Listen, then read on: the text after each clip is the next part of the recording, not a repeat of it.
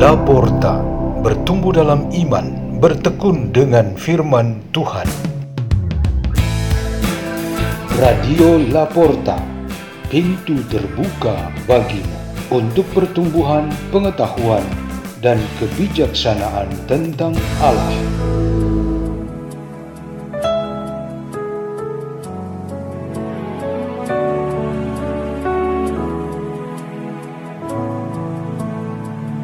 Bacaan dan Renungan Sabda Tuhan Selasa Pekan Biasa ke-27 5 Oktober 2021 Dibawakan oleh Benceruing dan Mary Lasar dari Gereja Santo Laurentius Paroki Harakewa Keuskupan Larantuka.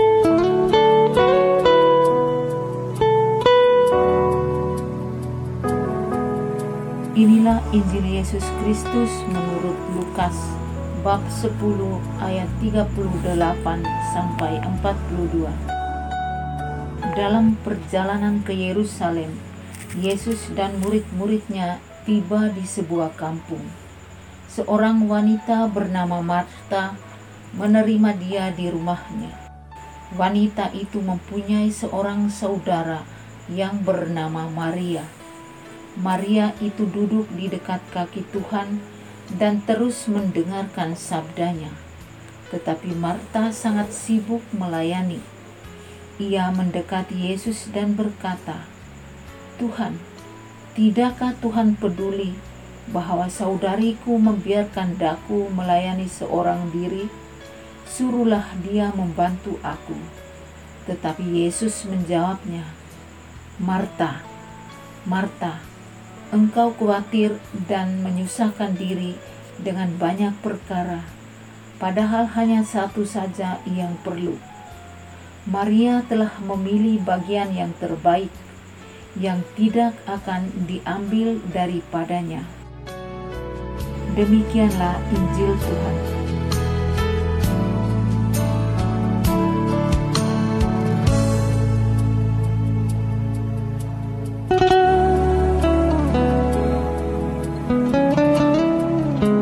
Tema renungan kita pada hari ini ialah menerima dan memilih. Di dalam keluarga atau suatu persekutuan hidup seperti komunitas dan organisasi, keseragaman dan penyamaratan umumnya bukan sesuatu yang selalu baik dan indah. Prinsip bahwa setiap pribadi manusia adalah unik, sekalipun itu di antara saudara kembar adalah benar adanya. Prinsip itu menjadi pegangan kita untuk memperlakukan setiap orang secara berbeda-beda. Prinsip itu pula menjadi rujukan dasar bila kita membangun keluarga atau komunitas. Kita dapat memberdayakan setiap potensi yang berbeda-beda untuk kebaikan. Tuhan mengaruniakan setiap keunikan pada manusia, memberkatinya, dan memanggil setiap orang supaya meniti jalannya untuk sampai kepada kesempurnaan dengan memberdayakan keunikannya itu. Di dalam konteks Injil pada hari ini, dapat dibayangkan sebuah cerita keluarga yang menyambut kedatangan Yesus di rumah mereka. Sungguh menjadi sangat berbeda jika Maria dan Marta tidak memiliki keunikan masing-masing. Karunia pada Marta mewakili semua karunia pada kita semua, baik pria maupun wanita, yang berorientasi pada menerima atau menyambut. Ini adalah karunia yang sangat manusiawi, juga berkualitas ilahi. Tuhan sudah menaruh di dalam diri kita masing-masing karunia ini supaya kita dapat menerima dan menyambut sesuatu atau seseorang untuk menjadi bagian dalam hidup kita. Akan menjadi hal yang sangat berguna jika karunia itu kita wujudkan dalam menyambut atau menerima yang datang ke dalam pribadi, keluarga, komunitas, dan masyarakat kita, apa yang berguna dan memajukan hidup kita, baik jasmani dan rohani. Tentu saja, kita memiliki kewajiban untuk tidak menerima yang datang itu untuk merusak atau membawa kehancuran.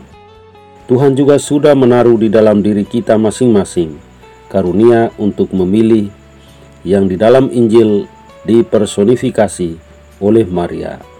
Bahkan Tuhan sendiri mengatakan bahwa karunia ini memiliki kualitas lebih tinggi bila dibandingkan dengan pekerjaan menerima atau menyambut. Maria dikatakan memilih yang lebih tinggi itu. Mengapa demikian? Kiranya ini tidak pertama-tama ingin mempertentangkan satu pribadi dengan pribadi yang lain, bahkan memisahkan atau memecah belah. Satu hal penting yang bisa kita yakini ialah di dalam menerima atau menyambut, kita mengizinkan banyak hal atau orang atas nama cinta kasih dan hasrat untuk bertumbuh dalam pengetahuan atau wawasan.